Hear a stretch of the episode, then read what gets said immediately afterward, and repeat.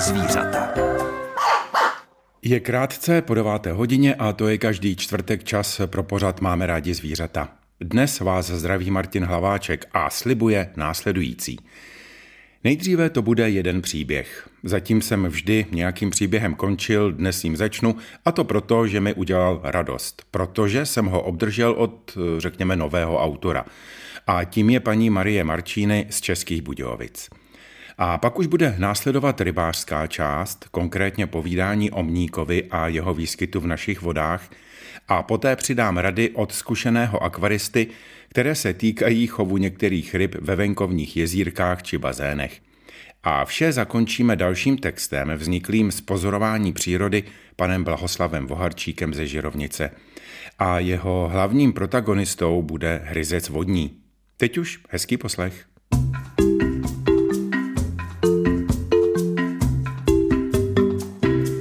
Vrátím se k tomu, co jsem říkal v úvodu a nejdříve poděkuji paní Marii Marčíny z Českých Budějovic za to, že se odhodlala a poslala mi a tím pádem i vám následující příběh. A věřím, že se u něj i trochu pobavíte.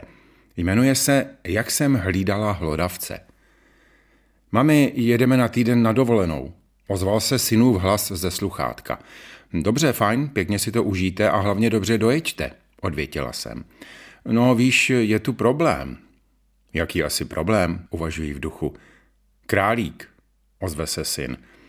Jaký pak problém? Udělejte si řízky na cestu a zbytek dejte na mrazáku, říkám. Mami, je to Ferda, praví dotčeně potomek. Vida, docela jsem zapomněla na nový přírůstek do synovy rodiny. A tak ho tu mám. Přesun se podobá akci Kulový blesk. Přepravka, velká klec, lahvička na vodu, záchůdek, taška se senem, taška s granulemi, taška se stelivem, svazek, mrkvové natě. A nakonec důrazné ponaučení. Ferda musí být denně alespoň na hodinu mimo klec, jinak bude psychicky strádat. Záhy chápu, proč je malý, krásný, černobílý, zakrslý králíček zařazen mezi hlodavce. Prostě hlodá. Chutná mu všechno. Od kabelů, dřevěných nožek nábytku, starých vzácných knih na poličce knihovny, po suché květiny ve váze, kdy jsou jeho favoritem oranžové lampionky mochyně a já jenom doufám, že nejsou jedovaté. Vzpomněla jsem si na pražský odboj koncem války a zkouším barikády. Hodí se všechno. Krabice, polštáře, nepotřebné poličky. Ale zapomněla jsem, že Ferda je druhým povoláním horolezec a skokan do výšky – zdolává hravě překážky, prochází se po klávesnici počítače na psacím stole. Konečně chápu, že můj odpor je zbytečný. Měním taktiku a překážky odklízím. Ferda, znavený svými výkony, si lehá na podlahu, jak široký, tak dlouhý a odpočívá. Najednou za mnou chodí jako pejsek. Otírá se mi o nohy a dokonce předvádíme jakési cirkusové číslo, kdy přeskakuje nastavenou nohu a proběhne mi mezi chodidly. Do klece si vleze sám, když zašustím sáčkem s jeho oblíbenými granulemi. Týden uplynul jako voda, je tu loučení a stěhování zpět domů. Na cestu ode mě dostává svazek čerstvé mrkve z mé zahrádky, vlastnoručně usušené seno, které pěkně voní a plný sáček granulí. Tak zase někdy, Ferdo. No a je tu dodatek. Ferdova životní pouť loňského roku předčasně skončila, takže s Bohem, Ferdo. Tak to byl dnešní první posluchačský příspěvek, který nám poslala paní Marie Marčiny z Českých Budějovic. A po písničce nabídnu povídání o jediné u nás žijící treskovité rybě, mníku jednovousém.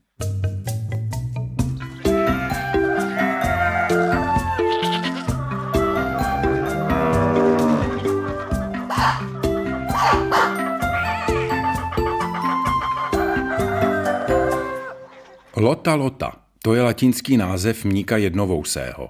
Jediné treskovité ryby u nás. A pochopitelně tato až záhadná ryba žije i v jeho českých vodách. Jak žije, jak se rozmnožuje, kde je jí nejlépe, jak je to s jejím lovem. To jsou otázky, které jsem postupně pokládal jednateli jeho Českého územního svazu, Českého rybářského svazu Jiřímu Markovi. Opravdu je to naše jediná treskovitá ryba. Tvarem těla připomíná sumce, a hlavní rozpoznávací znak je, že má na spodní čelisti jeden vous. Proto taky i ten název mník jednovousí.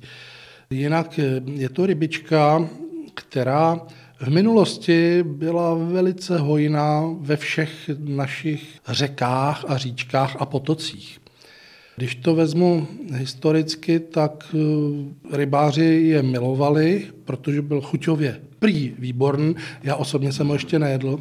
Někdo mi říká, že to připomíná úhoře, jo, ale každopádně eh, je to významný druh, který teď eh, poslední léta řádově 15 let zpátky, dost intenzivně vracíme do našich revírů, do přírody. Já se vrátím k tomu, jak vypadá, protože přece jenom ten rozdíl proti sumci tam je i tvarem hlavy. Přesto mohou si někteří, řekněme, neskušení rybáři ho splést eh, třeba s malým sumcem. No ano, bohužel můžu vám říct jednu příhodu, kterou jsem zaznamenal zhruba před 20 lety, kdy jsem se v Praze v prodejně setkal s rybářem. Začali jsme si povídat, tak jsem říkal, že jsem z Písku a on mi povídal, je výborně, tam jsem si na Orlíku, respektive na říčkách, což je kousek pod Pískem, krásně zachytali. Jo, byla tam parta rybářů a v pravý poledne, a představte si, a chytali jsme sumce. Jsem spozorněl, v pravý poledne, jo, tak si, si říkám, ty sumci berou někdy v pravý poledne. No a teď mi začal popisovat, jak chytali 60 cm, 50 cm sumečky, eh, jo, a byly hezký a tohle. No a že měli krásný zážitek u vody, tam prostě celkem mi chytli, já nevím, 10-15. No a protože byli malí, tak to samozřejmě všechno pouštěli. No a na závěr mě dorazil, když mi řekl, ale ty sumci byly nějaký divný. Říkám, proč byli divní? No, protože měli jeden fous. Takže tady bohužel někteří nebo hodně rybářů je na tom spoznávání ryb na štíru. Já tomu říkám taková rybářská gramotnost. Je to škoda. Ty rybáři se vlastně ošidili o to, že to byl zážitek opravdu na celý život, protože málo kdy se tohleto zadaří, že i v době, kdy jsou vyhlášeny doby lovníků, což je podzim, před Vánoci, když je studená voda, tak ten mník je nejaktivnější a chytá se vlastně přes v noci. V minulosti to možné nebylo, protože končil lov 17.00. No dneska je to trošku jinak. V Jižních Čechách máme mníka hájeného. Na Češ eh, mníka vysazujeme ve velkém množství a budeme se snažit zažádat o výjimku na životním prostředí tady v Českých Budějovicích, protože z hlediska vyhlášky číslo 114 o ochraně přírody z roku 92 tak mník je, vlastně patří mezi ohrožené druhy. Ale zase zákon o rybářství umožňuje si toho mníka ponechat. Takže tam je doba hájení, je tam míra té rybičky, takže bychom rádi zažádali o tuhle tu výjimku, aby nakonec rybáři si toho mníka mohli si ho odnést domů. Pojďme k tomu, jaké velikosti asi tak může docílit a jaké má životní nároky. Tam samozřejmě je to indikátor čisté vody. Jo, pokud je to někde fabrika a já nevím, nebo tam jsou splachy z polí, tak tam se mu líbit nebude. Ale přeci jenom to životní prostředí se nám vylepšilo, čistota vody je poměrně dobrá, takže region rozšíření, vrácení toho mníka se nám opravdu rozšířil a můžu říct, takže Otava pod Pískem, e, Nežárka, Lužnice, Vltava tady v Budějcích, takže není problém. Samozřejmě nad Lipnem tam je jich velké množství. Co se týče té tý velikosti, abych nezapomněl na tu vaši první otázku, tak ten mník eh, samozřejmě se přizpůsobí tomu prostředí, ve kterém vlastně žije. Takže když má ideální podmínky, tak může dorůst 60-70 cm. Jsem slyšel i větší velikosti, ale osobně jsem se setkal s, se 75 cm velkým mníkem třeba na Římovské přehradě. No a on obývá, jak už jsem říkal, všechny vody, kde je dostatek kyslíku. V minulosti to byla vlastně ryba, která byla eh, symbolizována v struhovém hospodářství jako nežádoucí, jo, že zkrátka dobře... Je to dravec, že jo? Ale je to neskutečný dravec. On je to neskutečný dravec. Já mám dokonce ve formalínu uloženého mníka, který se zadusil druhým mníkem, protože se snažil ho pozřít v rámci kanibalismu. Jo, takže opravdu, co se hne, tak jak může, tak sežere. Ale vyskytuje se i v těch horských, když to nazveme horských bystřinách, my tomu říkáme kapiláry, což jsou chovné úseky vod, většinou pstruhových vod a tady musím říci, že je žádoucí, protože poslední výzkumy nám ukázaly, že on žije v symbioze právě se pstruhem obecným potočným, který je bohužel v poslední době na ústupu a pro rybáře je to posvátná ryba už, a přiznám se, že dneska neznám už nikoho, kdo by ho zabil a odnesl si ho domů na pánvičku, radši ho vlastně všichni pustí. No a proč teda ta symbioza? Vemte si to, tak pstruh obecně se vytírá na podzim, vytře se do těch kapilár, někdy v říjnu a celou dobu tam ve štěrkovém podloží jsou jikry toho potočáka, kde se vlastně vyvíjejí. A samotný potočák se potom líhne podle v závislosti na teplotě vody, tak se líhne kolem toho březen, spíš únor březen, jak jsem říkal, podle teploty. No a než stráví žloutkový váček, tak samozřejmě schání nějakou potravu. A tady právě nastává ten okamžik, o kterým říkám symbioza těchto dvou druhů, protože mník jednohousí se nám vytírá řekl bych, před Vánoci, v zimě, kdy je opravdu ledová voda a jako treskovitá ryba má několik milionů jiker, to znamená i velice plodný. Ty jikry jsou samozřejmě drobonký, malinký. No a jestliže se vám vytře eh, taky v nějakém tom potoce, kde jsou ty potočáci, tak eh, zapadne do toho štěrku, jikra se vyvíjí a kulí se řekl bych, ve stejném období jako ten potočák. No, ale je tam velký rozdíl. Potočák, když se vykulí, tak už může mít 3 cm. Kdežto ten mník, milimetr, makové zrničko je velké a kolikrát, když potom si z líhně bereme e, vykulen už mníky rozplavaný, tak já tomu říkám kalná voda. Mm-hmm. Jo, skutečně. Jinak e, mníka vysazujeme i v téhle velikosti odvezeme ho na Lipno právě do těch trav, kde je dostatek výřinků a ty při té přirozené potravy, kterou se ten mník eh, živí. A teď se zase vrátím k tomu, k tomu potočákovi, no samozřejmě. A ten potočák, když stráví svůj žloutkový váček, tak potřebuje taky něco baštit. No a ten mník je pro něj vlastně vydatný plankton, vydatná potrava. Takže oni si vzájemně výjdou stříct, že v době, kdy se tam potom dorostou potočáci, tak on udržuje určitou hladinu, zdravou, zdravou hladinu té populace, no a naopak zase ten mník poskytne potravu právě pro ty malý vykulené potočáčky. Já přejdu k tomu výtěru, protože vy jste říkal samozřejmě, dokáže se přirozeně vytírat, ale vy jste také říkal, že je vysazujete na různých místech, to znamená, že tady existuje i nějaký umělý nebo poloumělý výtěr toho mníka. Nemůžu to nazvat přímo umělý výtěr, jo, protože uměle se to vytírá do nádob a podobně. Poloumělý? Poloumělý, správně, přesně tak, nazveme to poloumělý. Takže ten chovatel, dneska tady u nás máme pana Šperla v Borové ladě, ten jich produkuje několik desítek milionů váčkového plutku, to je docela i mediálně známá líheň, ta patří pod Národní park Šumava. No a třeba pan Chruňák tady líheň lota, lota lota, takže má líheň lota, ano, tak ten taky líhne a řekl bych, že e, zásobuje Český rybářský svaz i další soukromníky, který třeba si s tím míníkem chtějí dál, se říká, pohrát, udělat z něj rychlenou rybičku. Takže provádí se to, já nevím, jestli snad nebudu prozrazovat nějaký know-how, ale i tak je to hodně složitý, tak e, do žlabu se před Vánoci, nejlépe před Vánoci, se dají generačky, mm, jikernačka, mlíčáci, nejlépe do několika žlabů a předtím se tam natáhne takzvaný uhelon.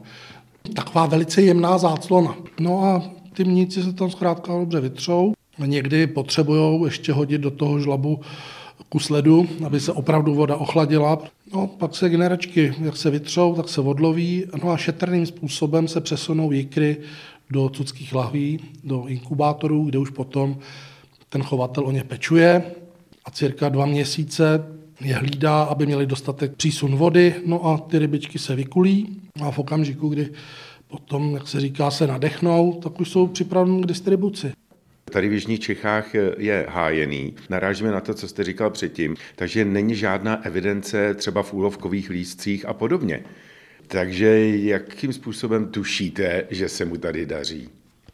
No, tušíme to prakticky, protože v době třeba, kdy provádíme lov elektrickým agregátem, eh, scháníme reofilní druhy ryb, parma, tloušť, tak samozřejmě procházíme ty naše řeky, no a někdy místo tloušťů, což se nám třeba povedlo v písku, tak jsme chytili dva tlouště pod jezem a čtyři mníky. Jo, takže zkrátka dobře víme, že tam ty, že tam ty mníci jsou. No a pak máme samozřejmě skupinu rybářů, který eh, jako je rádi chytají, jsou na ně specialisti, ať si je nesmí odnést, Jo, a říkají nám, ano, jsou tam mníci, jsou tam krásní mníci, velký mníci. Ale... Ale já bych se chtěl zeptat, případně, až se to povolí, na co nejlépe? Aha. No tak třeba na Žížali udělat takovou prostě rousnice, dá balíček rousnic, nebo na mrtvou rybičku, na půlku rybičky, jo, takže v lokalitách, kde je dovoleno chytat na masíčko, zkrátka dobře, je to dravec.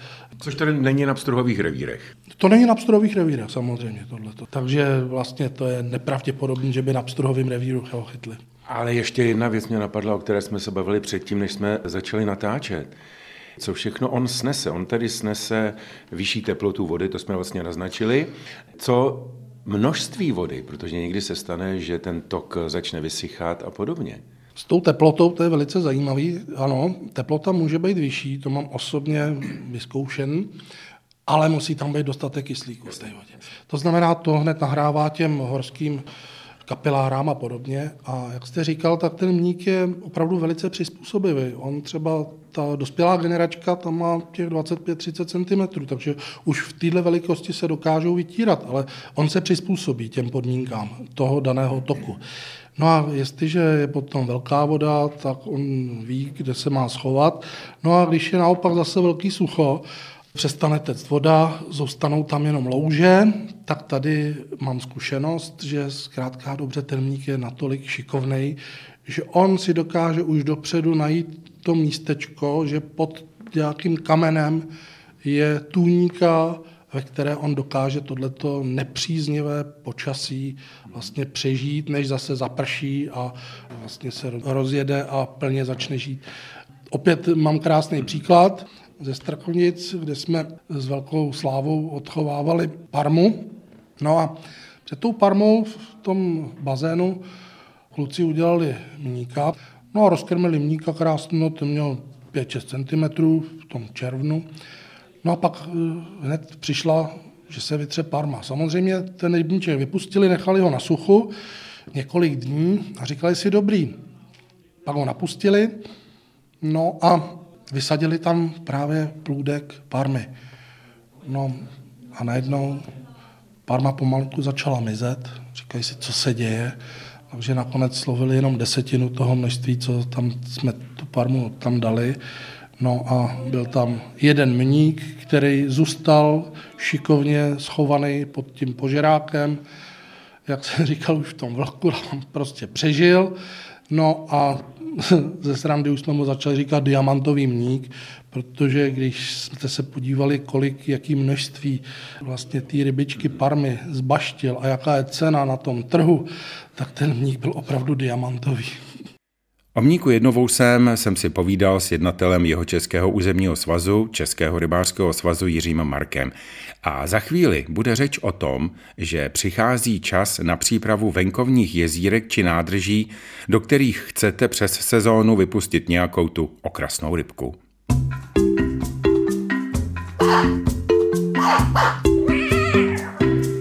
Dalším oborem zájmové lidské činnosti, o kterém si budeme povídat v dnešním vydání pořadu Máme rádi zvířata, je akvaristika. Ale to není pouze chov exotických druhů rybiček v akváriích doma.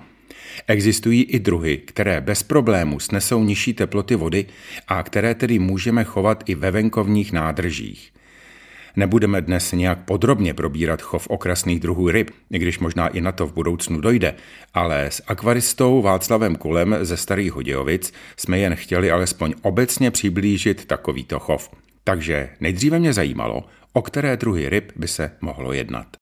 Jenom tak všeobecně bych chtěl říct, že momentálně začíná jaro, takže poslední trendy, které byly, té plno lidí si udělá jezírka na zahradě, někdo se udělá velký, někdo má malinký na koukání. A hlavní, co se v těch jezírkách chová za ryby, jsou to karasy, z nich vyšlechtěný závojnatky, pak různé odrůdy takzvaných šobongínů, což jsou takový menší kapři a pak už takový speciální jsou to ty kojo kapři, který už musí být ten akvarista poměrně zdatný, nebo hlavně musí mít to jezírko už pěkně připravený a pěkně velký. A tadyhle ty druhy teda během zimy se přenášejí nějakam dovnitř?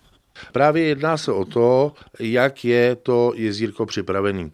Dá se říct, že když jezírko má hloubku přes metr, takže se v něm dají ty ryby zimovat ale řekněme si, málo kdo má zahradu, kde má bazén o velikosti, dejme tomu, velkého koupacího bazénu, který je tomu, dejme tomu metr a půl hluboký. Jsou to třeba i malý jezírka, tak z těch malých jezírek, kde by mohlo dojít promrznutí nebo urušení ryb, tak ty ryby se stěhují někam. Nemusí to být vyloženě do obyváku do toho, ale třeba do sklepa, kde ta teplota je kolem 10-15 stupňů, do akvária, kde ty ryby v pohodě krásně vydrží. Oni teda i přes tu zimu se méně krmí, takže je o ně menší starost.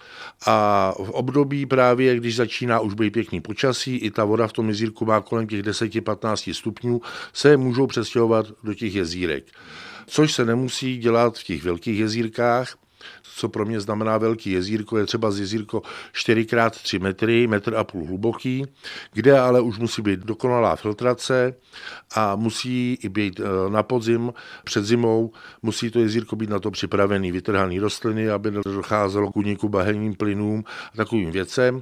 A i přes tu zimu nesmí být celoplošně zamrzlý, aby se odvětrávalo, jako je to na rybníkách, když vidíte, když prostě rybáři si prosekávají led a eh, mají tam ty fukary nebo ty elektrické eh, mechanismy, aby se ta hladina neuzavřela a ty ryby se tam neurusily únikem těch bahenních plynů. Takže může jít třeba i o betonové nádrže, řekněme, nebo nádržky.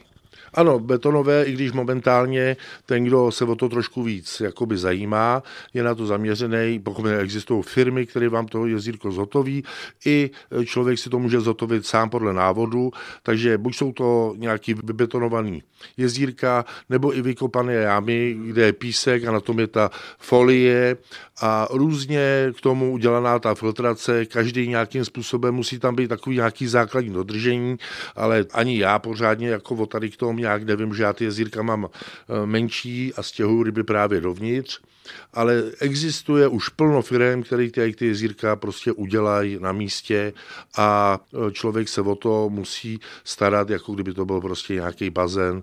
Musí tam kontrolovat vodu, musí kontrolovat tu filtraci, ale je to kus krásný zase přírody. Ten, kdo má rád kytky, vysází si tam kytky, které jsou vodumilní, takže lekninu, dají se sehnat mraky druhů, nebo se vyndávají staré lekniny, ty se rozstřihávají, aby bylo víc těch leknínů a prostě si ty jezírka připravují právě na těchto období, aby už v létě to bylo pěkný a hezký. No a když, jdeme tomu, ještě na jaře přijde nějaký ten mrazík, tak vlastně tomu ani nevadí.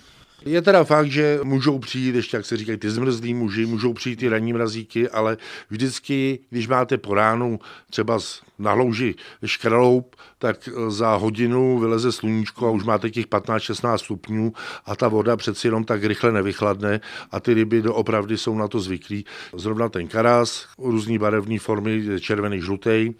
Ještě jsem zapomněl, což je teď zase poslední, co se hodně dělá, je lín, který je žlutý, nebo i červený, nebo i flek plechatý, ale je to krásná ryba, ale není moc vidět, protože líny ryba, která se zdržuje u dna.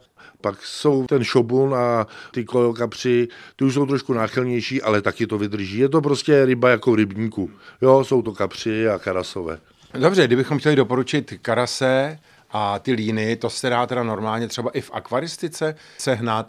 Takže ten, kdo si chce zkusit vůbec to jezírko udělat nějaký a dát si tam nějaký ryby, jestli mu vydrží, tak ten karas je, i ten obyčejný karas, který se dá chytnout na rybníku, je hrozně, jak bych to řekl, tolerantní ryba, která vám snese všechno.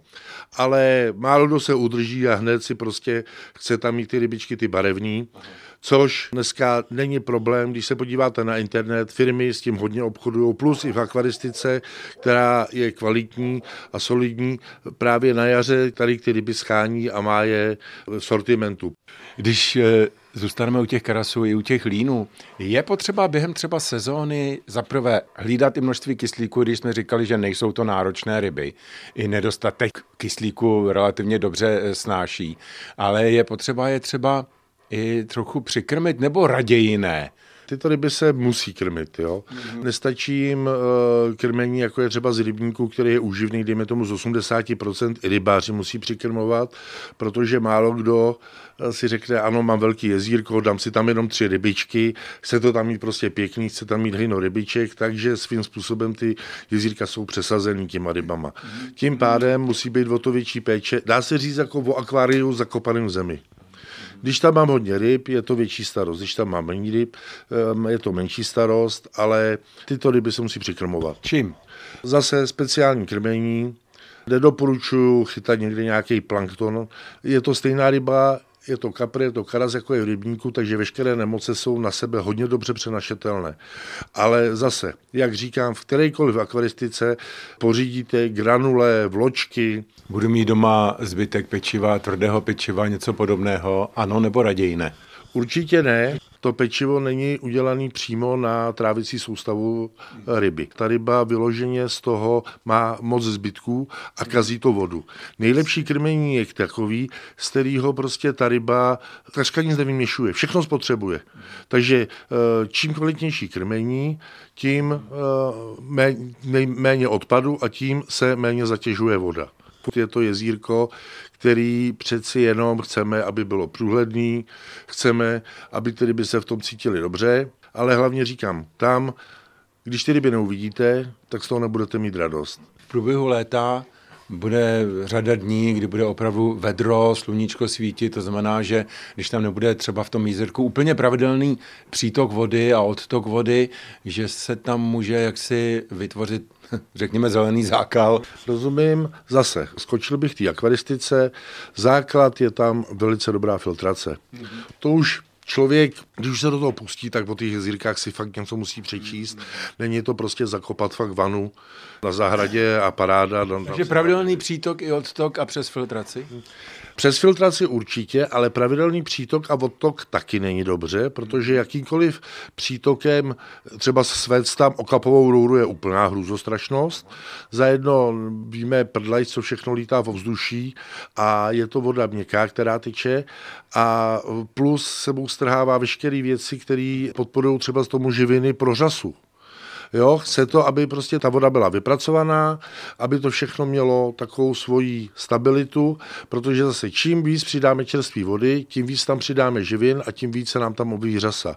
Proto taky není špatný tam mít do opravdu nějaký velice zajímavý lekníny, který teď momentálně jsou šlechtěný tak, že mají malé listy, velké květy, ale ten leknín je zase základ v tom, že on z té vody vybírá hrozně moc živin, a tím pádem tam nezbydou živiny pro řasy a pro takový ty potvory, co tam nechceme, pro nějaký takovýhle ty různý synice a takovýhle řasy, který chodí té vodě.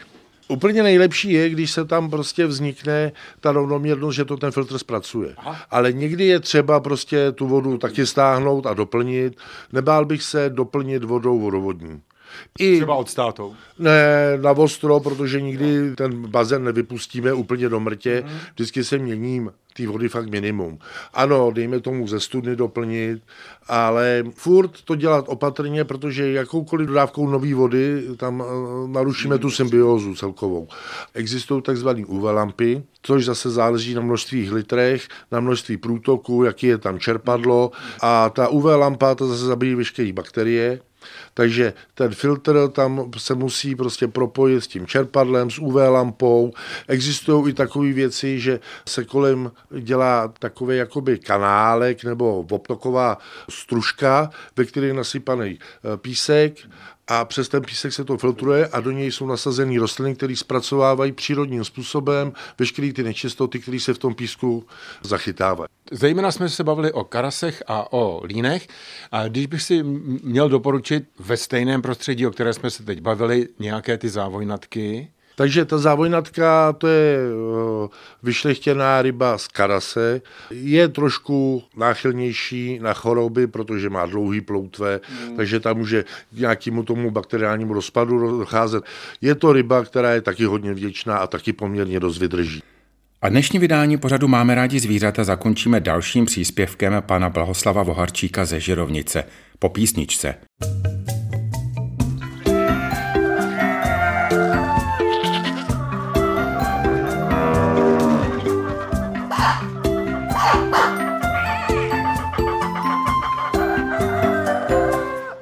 Naším pravidelným přispěvatelem je pan Blahoslav Voharčík ze Žirovnice, který se umí dívat a detailněji pozorovat přírodu než většina z nás. A hlavně to své pozorování umí dát do příběhu. Ten následující je o vodním. Přesto, že už mám platnou rybářskou povolenku, je ještě dost brzo na rybařinu. Stejně mi to ale nedá a jdu pozdravit vodu, jak říká kamarád Vodomil Vašek. Tentokrát jsem u vody sám – Kolem poledne odtáhly nízké mraky a z oblohy zazářilo sluníčko. To prostě člověk jako já nemůže zůstat doma. A tak jsem, tlače před sebou chodítko, vyrazil. Stačí jen dojít k vodě a kochat se. V ohbí rybníka hutní pod houškovou zahradou, co stojí dvě břízy, jsou schody a lavička. Tady se dávám v létě a budu tu sedět i dnes. Tak sedím a bystřím. Od schodů směrem do Babor je nepatrná a nízkým porostem částečně zakrytá cestička. Při chůzi byste ji těžko odhalili a kousek za ní se mele staré rákosí. Proč se mele? Na tření cejnů je ještě moc brzo a jiný důvod neznám. Ani se nehnu a čučím. A najednou se na té cestičce myhne něco jako malý slepíš. Je to ocásek nějakého tvorečka. A potom tělíčko. Spíš už tělo. Ondatra to není, ta je větší a širší a taky to má jinou barvu. Šedohnědou s tmavým pesíkem. No jasně, je to hryzec vodní. To je ten gauner, co mi v loni ze sporu vyžral krásnou mrkev a zůstala mi tam jen torza kořenů a nať. Ostatně ještě dlouho zelená. Jasné maskování polního pichu. Tahle potvora se živí semeny trav a stromů, dále kořínky, občas ohryzává i kůru stromků – Tenhle ekotyp se zdržuje u vody a vyhrabává si nory v břehu. Je to u nás běžný druh. Škodí v zahradách a tak je opravdu nerozumné dělat si záhony blízko vody. A pozor, rozmnožování začíná od dubna a končí v říjnu. Podaří se tři až čtyři vrhy po třech až čtyřech mláďatech. A ta říje je opravdu až morbidní. V době, kdy jsem strnule seděl, vylezl ještě jeden samec a děsně se s tím prvním servali. Kdo vyhrál? Nevím. Najednou oba utekli. Asi se mě všimli, když jsem se bez děky pohnul. Ach jo, člověka se bojí všechna zvířátka. Na závěr tedy poděkování panu Blahoslavu Voharčíkovi do Žirovnice, ale i vám, posluchačům, za pozornost. Hezké jaro vám přeje Martin Hlaváček.